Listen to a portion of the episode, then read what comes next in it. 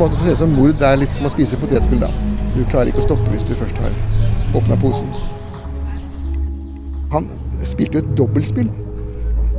Men eh, det er som i poker at hvis du satser for mye penger, så risikerer du å tape hele potten, og det var det han gjorde da. Den dagen kom da at han ville av gårde, var det da at følerheften føleheften slo til med øksehammeren i bakhodet. For drapsmannen så er jo det en uh, utvei også, dette her med at uh, du har en siste sjanse til å bli ikke bare frelst, men til å bli en slags religiøs helt, altså. Du hører på podkasten Sanghistorier med meg, Ann Turi Ford.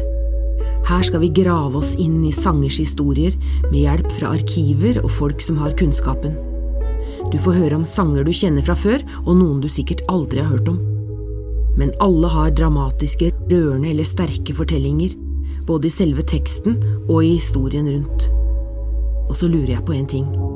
Hva er det med sanger? Hvorfor blir de fleste av oss mer berørt når ord kommer med en melodi?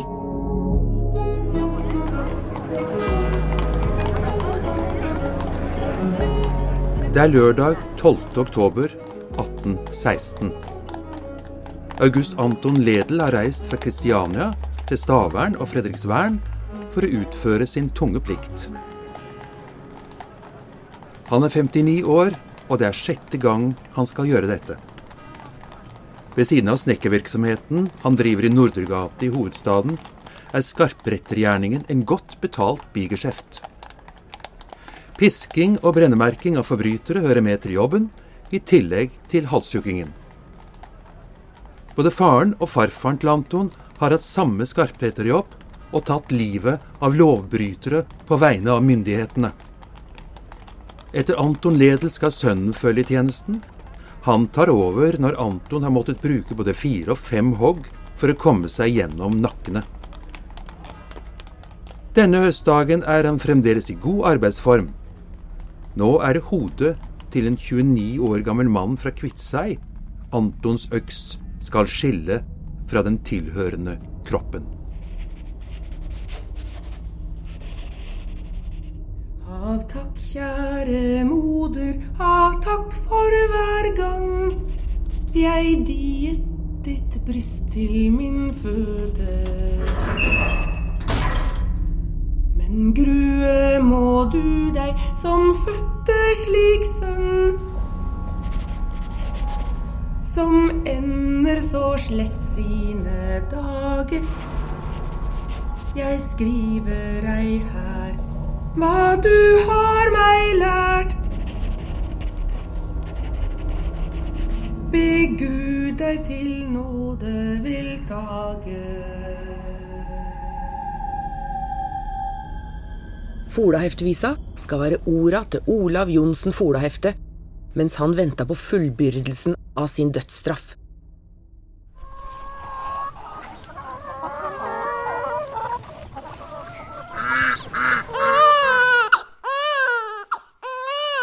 Han ble født på husmannsplassen Jøserei i Kviteseid i 1787. Og han skal ha vært født med et fødselsmerke som gikk i en ring rundt hele halsen.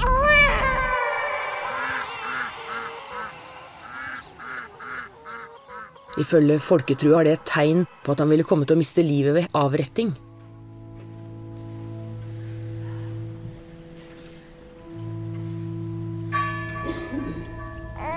De fattige foreldra Hege Olavsdotter og Jon Laurantsen har ei jente og to gutter fra før når Olav blir født.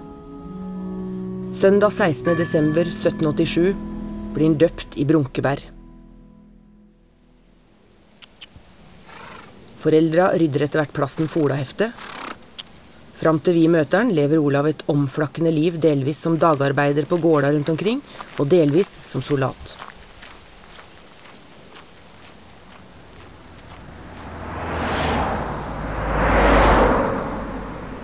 Hvis du følger riksvei 134 vestover gjennom Tokke kommune, forbi Høydalsmo, og tar av til venstre noen kilometer før kommunegrensa til Vinje, så kan du fortsette sørover mot turistattraksjonen Ravnejuv. Og der finner du gården Bratterud i Liene på østsida av elva Tokkeåi.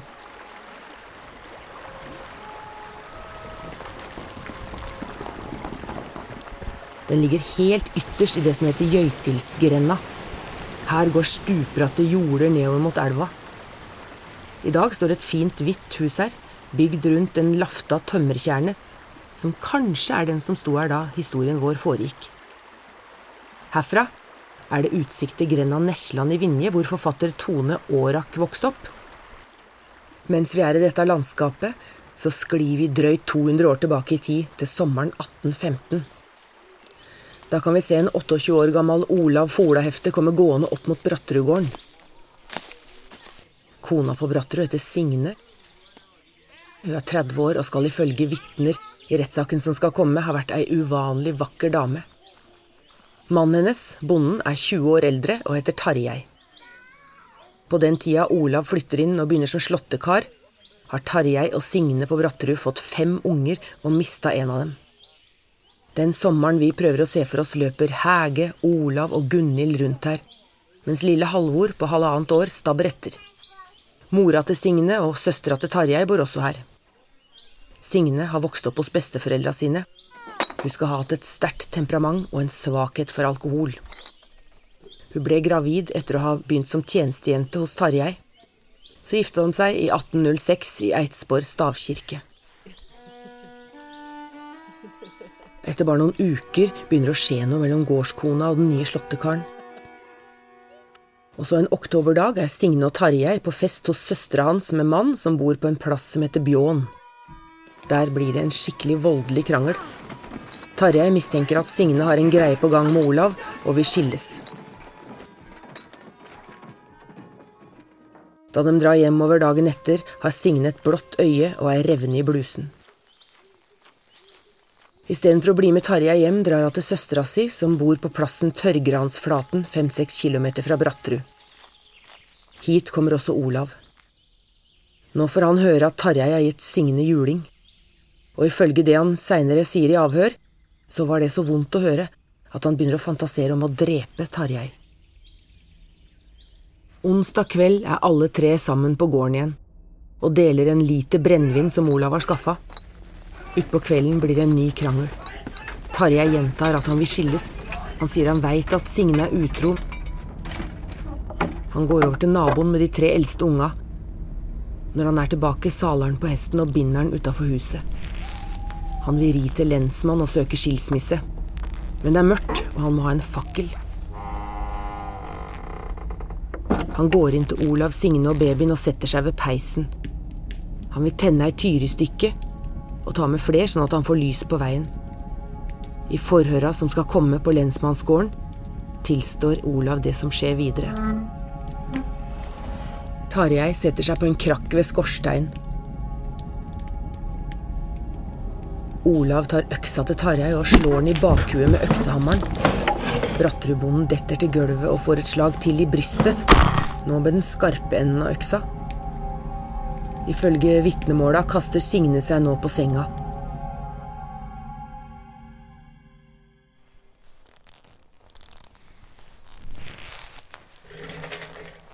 Dagen etter legger de liket over hesten Tarjei hadde tjora fast kvelden før. Sagna forteller at hesten nekta å rikke seg. De to må sjøl dra liket fram til et sted der de kan kaste det nedover den stupbratte skråningen mot Storåi.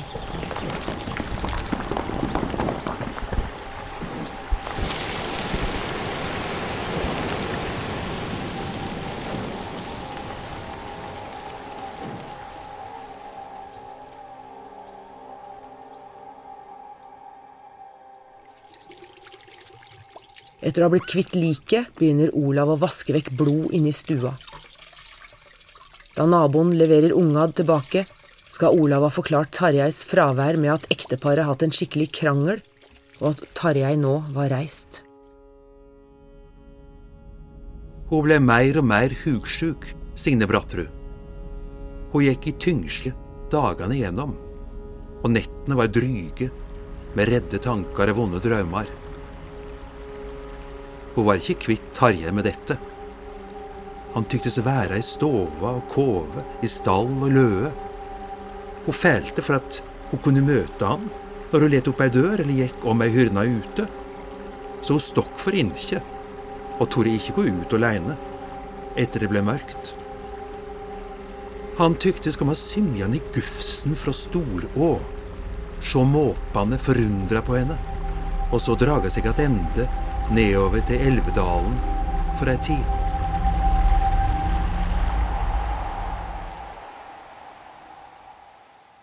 Signe og Olav skal ikke ha snakka mer om det som skjedde. Olav bor videre på Bratterud, men ifølge Signe er han nå voldelig. Han voldtar Signe. Folk leiter overalt, også i Storåi nedafor gården, men Tarjei er ikke å finne. Ryktene som går i bygda, ligger temmelig nær sannheten. Folk fortsetter å leite. De finner slepemerker, litt hår, små biter av klærne hans ved fjellet overfor elva og inne på Bratterud finner de etter hvert spor av blod på gulvet, veggene, døra og senga. Stundom tok det henne så det klemte kring bringa, og hun øya seg høgt når ingen kunne høre. Alt tyktes være som utskjemt, borna og alt hun åtte. Stova klaga og glodde med sorgsamt blikk i de små grønne rutene. Skugge var overalt hun så. Blakken klaga med de trufaste, botnelause augo. Borna gikk sårmoa som skuggar.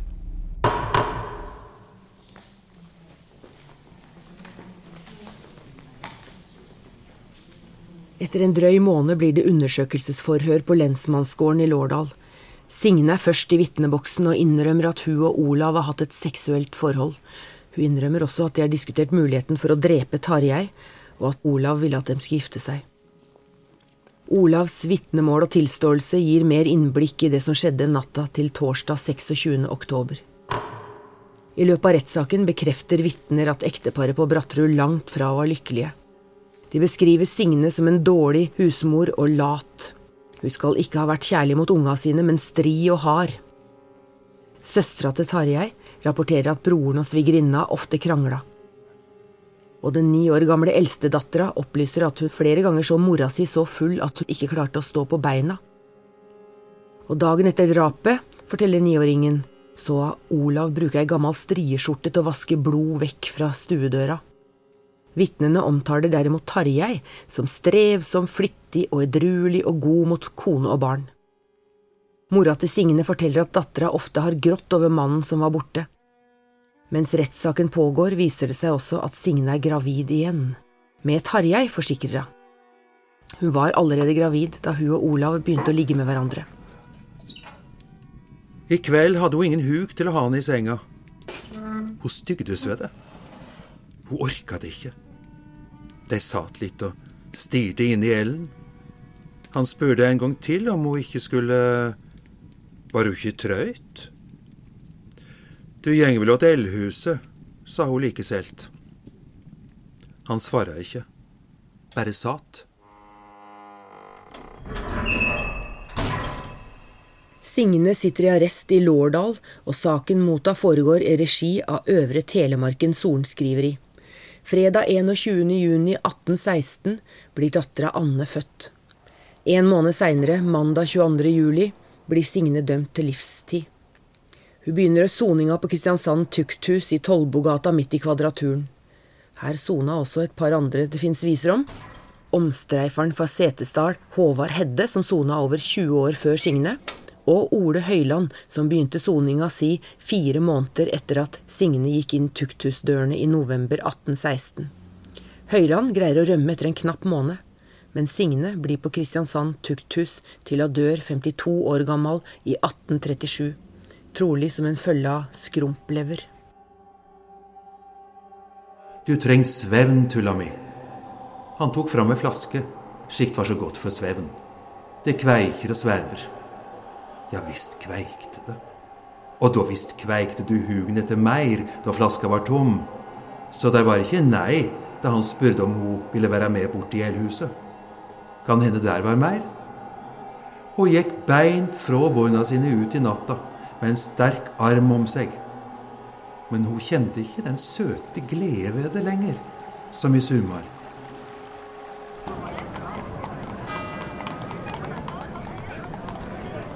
Ettersom Olav var soldat, ble han arrestert i Fredriksvern i Stavern.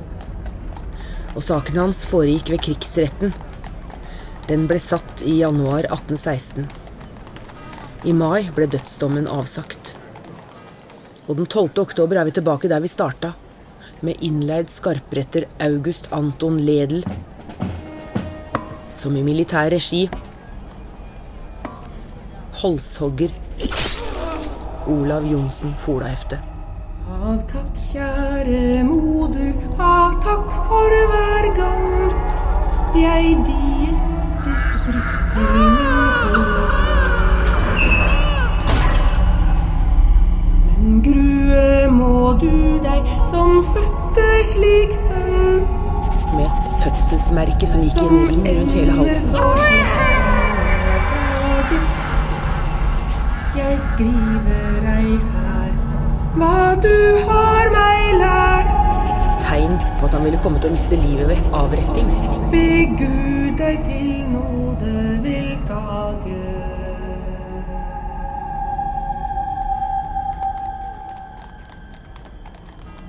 Fortellinga om Olav Folahefte lever videre i Telemark. I 1905 skrev folkeminnegransker Richard Berge ned sangen om historien. Og det fins en feleslått ved navn Folaheften. Og så har vi altså den sangen her. Men den er ikke mye brukt lenger. I 1949, da forfatter Tone Aarak brukte historien som utgangspunkt for boka Framankar kjem til gards, fikk hun omtale i aviser over hele landet. Det er den boka du har hørt noen utdrag fra nå. Og best av alt, sangteksten, med ti vers, ble trykt. I avisene sto det at Halvard Lie har notert ned de versa. Da visa igjen ble omtalt i Telemarksavisa Varden på starten av 1980-tallet, fikk det en kar fra Høydalsmo ved navn Nils N. Heggtveit til å reagere. Han skriver et innlegg som ble trykt i en svart ramme nederst på en side i den delen av avisen som går under navnet Telemark Tiden. Folaheftvisa Til Telemark Tiden. Las fra tid siden i Telemark Tiden et utdrag av Folaheftevisa. Denne visa vert for en del år siden skriven opp av mor mi, Tone Hegtveit, etter attgjeving av Ingeborg Dalastøyl, som hadde den i hovudet, som vi plaga seia. Visa var svært lang, minst på 22 vers. Far min kjente Halvard Lie og sendte visa til honom, som visstnok hadde snakka om å gjeve ut ei større bok. Grunnen til at det ikke vart tatt avskrift, var at de stola på Halvard Lie. Lårdal, Høydalsmo, den 29. juni 1983.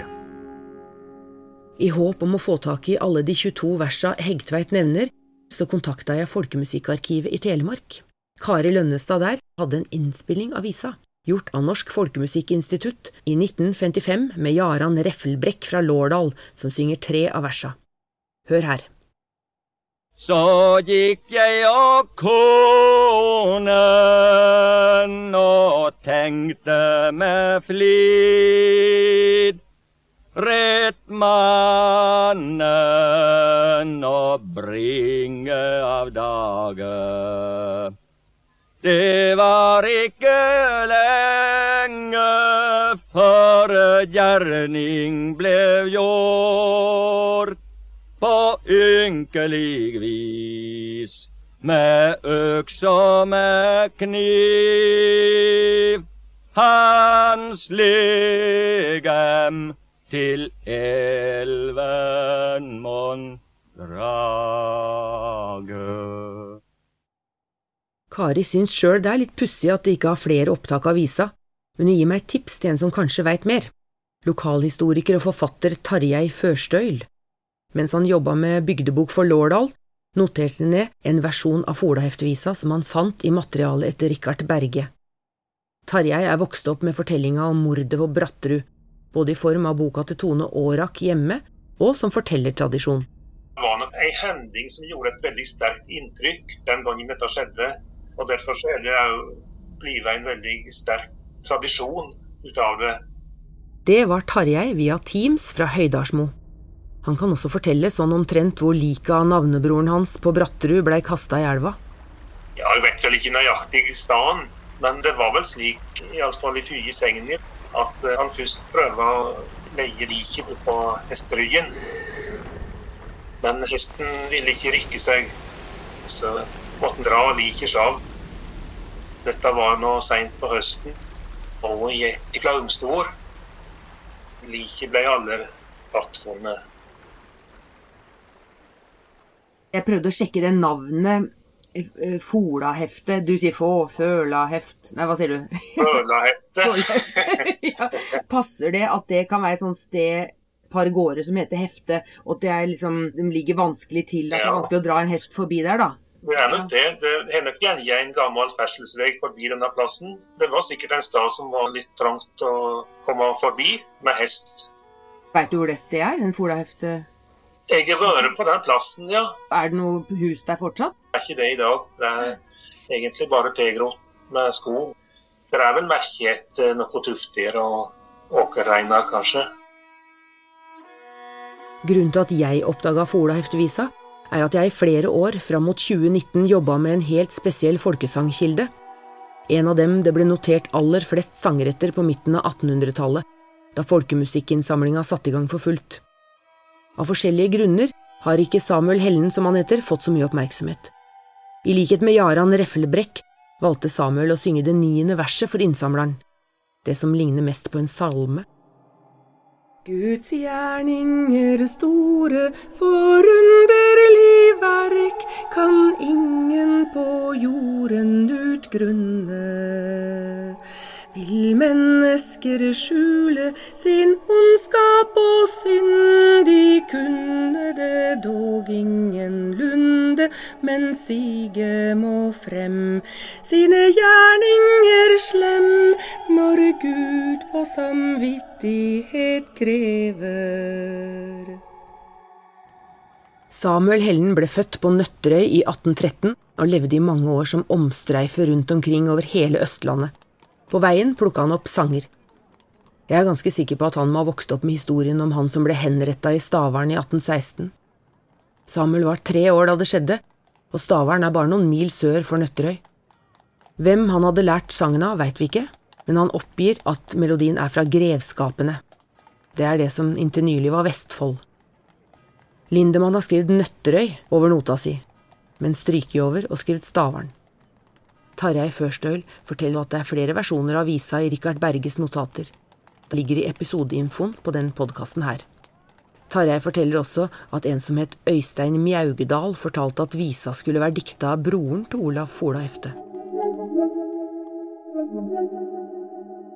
Audun Kjus, som har jobba mye med skafottviser som du skal få møte nå snart, sier at det ikke er noe i veien for at det er broren som har skrevet visa, men han påpeker at den ikke tegner noe spesielt sympatisk bilde av Olav Fola-hefte, og at det er litt avstand til hovedpersonen i karaktertegninga.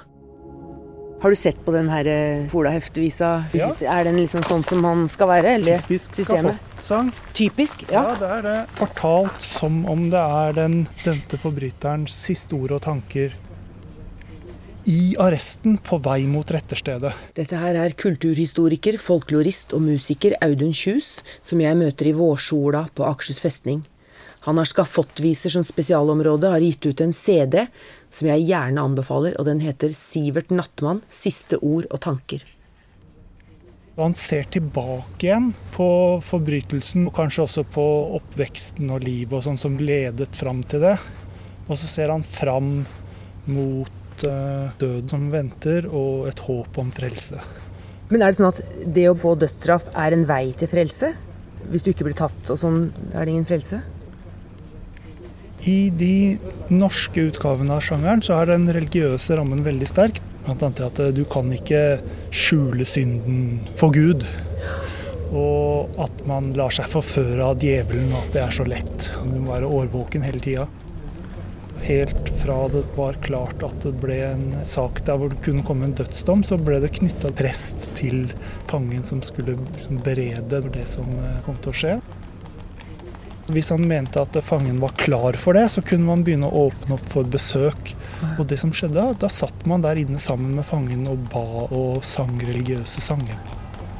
Det som skjedde der, inne i den cella av sang og bønn og håp om frelse, det blir også da speila ut i disse her skafottsangene. Er det proffdiktere som dikter dette her, eller er det faktisk fangene, eller er det presten? Det er jo en sånn bastardsjanger på mange vis. Og å peke ut forfatteren er ikke alltid helt enkelt. Og så være mye at det er prestens ord, faktisk.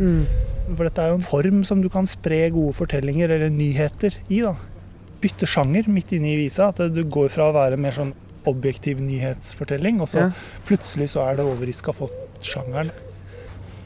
Jeg vil tro at den er skrevet og trykt, men de versjonene som er nedtegna her, de har vært gjennom noen ledd med sang. Altså Han ble jo da eh, halshogd i Stavern. Tror du det kan være noe håp om å finne et trykk fra den sangen her? Jeg vil jo tro at den har vært et bra produkt for trykkere, så kanskje den dukker opp. Ja. Hvorfor driver man sånne skafettviser? Er det penger, eller er det andre Og det er en sånn blanding. Og ja, det er penger, for det er jo bare selve den der folkeforsamlingen ved retterstedet er jo et eh, ganske bra marked. Men også at dette er en nyhet som alle er interessert i å få høre. Hva var det som skjedde egentlig der? Avisene drev jo ikke med sånt stoff på den måten som de gjør i dag. Men jeg skal ikke tenke at det er bare kyniske motiv å tjene penger. For at det, den religiøse siden av det tror jeg har vært helt reell. Ja. altså. Så prestens ønske om å lage tilgivelse for Få til drapsmannen forsoning. Forsoning. Ja, og for drapsmannen så er jo det en eh, utvei også. Du har en siste sjanse til å bli så ikke bare frelst, men til å bli en slags religiøs helt, altså. Og, og de prestene som ble satt til å drive med sånn beredning av dødsfanger, det var ofte ikke sånn hvem som helst. Det var gjerne teologer med et visst rykte som sjelesørger og sånn. Oh, ja. Sånn at det å få til en sånn spektakulær omvendelse av en som er liksom rett fra å gå til helvete, og så blir han frelst og, og kan svinge seg opp til Jesus, det er jo ganske ganske- saftige saker. Og det å kunne være i nærheten av en sånn omvendelse kan jo gi håp også, da, hvis man har religiøse bekymringer. Ja. Hm. Det er sånne ting man ikke tenker over, holdt jeg på å Det er klart at Synet på dem det er jo både at de er fæle folk og kanskje kommer til helvete, men hvis du kan vise en ekte anger og tilstå for både verden og Jesus, på en måte, så, så kan det gå bra, altså. Men du tror ikke at skafottvisene kunne ha vært lagd liksom helt uten at fangen, at den dødsdømte har vært i- At det har bare vært liksom utenifra, på en måte bare for nyhetens interesse og Å dikte en sang som er bare helt tatt ut av det blå, det ville jo være et dårligere produkt. da. Ja. Hvis du bruker noe av det stoffet som alt er i omløp. Ja. Du kan kanskje blåse opp eller spisse til eller gjøre sånne typisk journalistiske grep, men jeg tror ikke du på en måte du bare finner på ting. Nei, men det har nok ikke vært noen sitatsjekk, kanskje? Nei. Og så bruker man standardformer og standardfraser. Og, og det er sånne vandrestrofer og vandreuttrykk. Støtte det her mennesket som skulle tas livet av på den siste etappen. Det her med å, å dø med sang. Dø med bønn og sang. ja. Det har en bakgrunn til middelalderhelgener. Når de dør, de er ikke redde, de skriker ikke og spreller ikke med armer og bein. Liksom. De, de kneler, og så ber de, og så synger de. Det ser du også i sånne manuskripttegninger. Du ser en helgen, han skal til å dø, han sitter på kne og synger. Hæ. Og det er tegn på at man er på vei opp til Gud. I ånden så er du allerede på vei. Den dødsdømte forbryteren da, kan dø mens han, han ber til Gud og synger. Og så er det også poeng som disse prestene gjorde stort nummer ut av. Og det står i håndboka for presten hvordan han skulle berede dødsfanger. At når fangen har kommet på det rette stedet på en måte da i utviklingen, så kan han begynne å fortelle historien om røveren på korset. Som sa at 'jeg fortjener å dø, men det gjør ikke du'. Mm. Og så sier Jesus 'sannelig, jeg sier deg, i dag skal du bli med meg til paradis'. Ah, ja. Og det er jo det eneste stedet i Bibelen der hvor det står at et konkret menneske er kommet til paradis. Det er ganske sterkt håp som da forbryteren kan bli forespeilt da, når presten bruker det. Hvis du da innser at 'jeg fortjener å dø, men det gjør ikke du, Jesus', det er på en måte dit du må komme for at Jesus dør for deg. da. Å.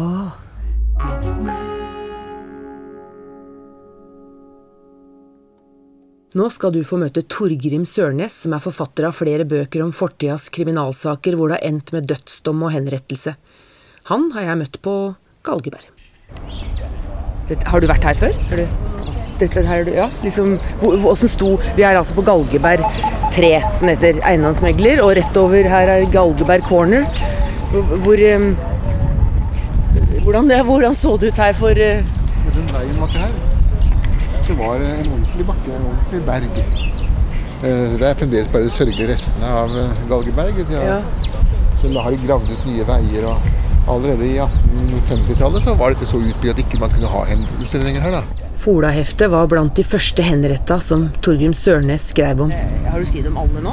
Jeg har gått tilbake til 1759. Nå holder jeg på med det neste fra 1755 av. da. Vi kommer til, Ja, jeg prøvde prøver å leve så lenge at jeg holder til 1689. ja. Du er da- lege, så du Da skal det være med det, ja. ja. jeg vet ikke, jeg er gynekolog, så det er jo ikke helt egen, Egenomsorgen er ikke da den største. Vet du er merket i han uh, Folaheftet? Ja, og Folaheftet var jo et forferdelig menneske hvis du skal stole på bygdebøkene. da. Ja, hvis du skal stole på det. Jeg, bare si, helt ærlig, så reagerer liksom litt på at du er så slem mot den. At du ikke gir en, en eneste sjanse. Altså liksom At han er født ond, og hans eh, Ja, Dette er fra ja. Bygdeboken eh, Kviteseid bygdebok. Har skrevet en del om han. Ja. Og, og tydeligvis da kolportert alle ryktene som gikk Ja. om ham.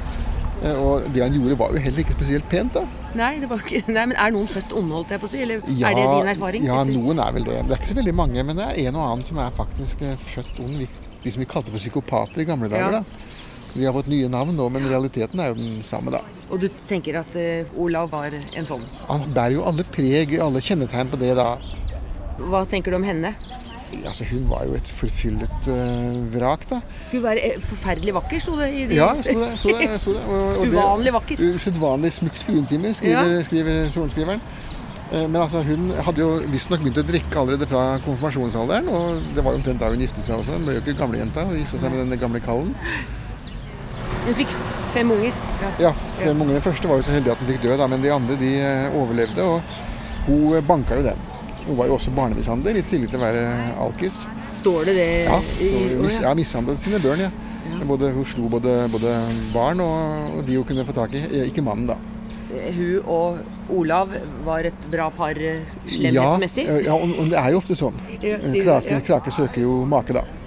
Eller søker ikke en krake en han kan slå videre? Eller en, en han kan Jo, være slem mot? han, det kunne han sikkert ha gjort også, hvis de, hadde, hvis de hadde sluppet unna med mordet og gjort det de hadde planlagt, nemlig å gifte seg og få overta gården. Ja. Så kan nok tenkes at hun også hadde blitt gul og blå etter hvert. Men eh, for at Folahefte han var jo ikke snau nok. Han hadde banka opp sin egen far. Det sto Ja. også i den sangen hans som Ja. som ble skrevet. Da. Men er det andre steder det står enn en i sangen? Nei, det står i den sangen 'Jeg banket ham gul og blå'. Jeg, jeg angrer ikke på at jeg banket deg gul og blå, for det er å angre. Ja, men er det, det, er det det det står? Ja, ja. Mm, la oss se litt nøyere på det. Jeg tror ikke jeg er enig med Sørnes her. Min tolkning var altså at Olav takker faren for mat, klær og oppfostring, og sier at han angrer på at han slo dem. Og det minnet vil han sorgfullt fortryde. I gammeldansk ordbok står det at ordet fortryde kan bety både angre på og å føle harme og ergrelse over. Min guru innen språk og historie og sånn som dette her, Espen Tjernshaugen på Nesodden, tolker det som at Olav nærer en sorgfull harme over minnet han har over sin mishandling av foreldra. I Richard Berge-versjonen er det enda tydeligere. Fortry deg mer på, jeg titt slo deg blå, be Gud meg til nåde vil tage. Det stemmer også med noe av det Audun Kjus sa, at skafottsangene oftest er en oppfordring til forsoning. At man skal prøve å gjøre opp for seg mest mulig når man skal dø. Forsone seg med familien sin, med mora og faren og med søsken. Og det gjorde Olav helt systematisk i den visa her. Eller noen gjør det på hans vegne. Er han liksom ekstra ond i forhold til alle du har skrevet om? Nei. Nei? Han er eh, Du mener at det aldri er Det er gått 13 på dusinet av sånne som han, da. men Ja. de hadde en tendens til å bli et hode kortere etter hvert. Men eh, det må jeg jo si, altså, de verste slapp Ja. unna. så det, Men hva er grunnen til at du ble, ble interessert i dødsdømte Ja, det, det er fordi at jeg alltid har vært interessert i historie. Og så tenkte jeg nå det skulle vært morsomt å skrive en bok nå som ungene har flytta hjemmefra og Ja. tingene har roet seg i livet. Ja. Eh, og så, men Der var det da et hull i historien. Her var det noe som ingen eh, hadde skrevet så systematisk om før. og Da, da, er det som en, da må man fylle det hullet, da. Ja. Er det noe mer vi burde ha sagt om Ola Fola-heftet? Det det jeg ville ha, som er min vinkling på dette, da, Ja. eh, det er jo det som mange folk spurte seg om den gangen også. Hvorfor tillot bonden at kona sto hjemme med gårdsgutten og sto og så på det. Han sto og så på dette Ja. uke etter uke. Poenget mitt er at jeg mener at Tarjei var lei av den kona si. Hun klarte ikke å gjøre jobben sin i huset. Eh, Verken hun var full eller når hun var edru. Og etter hvert som tiden gikk, så ble hun fullere og fullere. Hun mishandla barna. Han måtte jo av og til sette barna vekk Ja. når han skulle reise bort for at ikke hun skulle banke dem i hjel. Han ville da gifte seg på nytt. Og da måtte han ha skilsmisse. Og hvis du skulle ha skilsmisse på 1800-tallet og gifte deg igjen, så måtte du ha én av tre grunner. Det var impotens, eh, deserasjon og hor. Så hvis han klarte å få tatt henne i hor, ja. så ville han kunne få skilsmisse hos presten. Det er din tolkning, eller står det, det det, det dette er min tolkning. Ja. Dette er min tolkning. Jeg, jeg, jeg klarte heller ikke å forstå hvordan, hvordan lot han dette skje. Ja. Altså Folaheftet ba jo om å få avskjed. Han ville jo gå derifra. Men han fikk beskjed nei, får aldri tak i en så billig gårdsgutt igjen. Oh. Så han, jo, han spilte jo et dobbeltspill, Terje også. Mm. Men eh, det er som i poker at hvis du satser for mye penger, så risikerer du å tape hele potten. Og det var det han gjorde da. Oh, ja. Uff a meg, han tapte jo alt, ja. Ja, Mm. han tapte livet.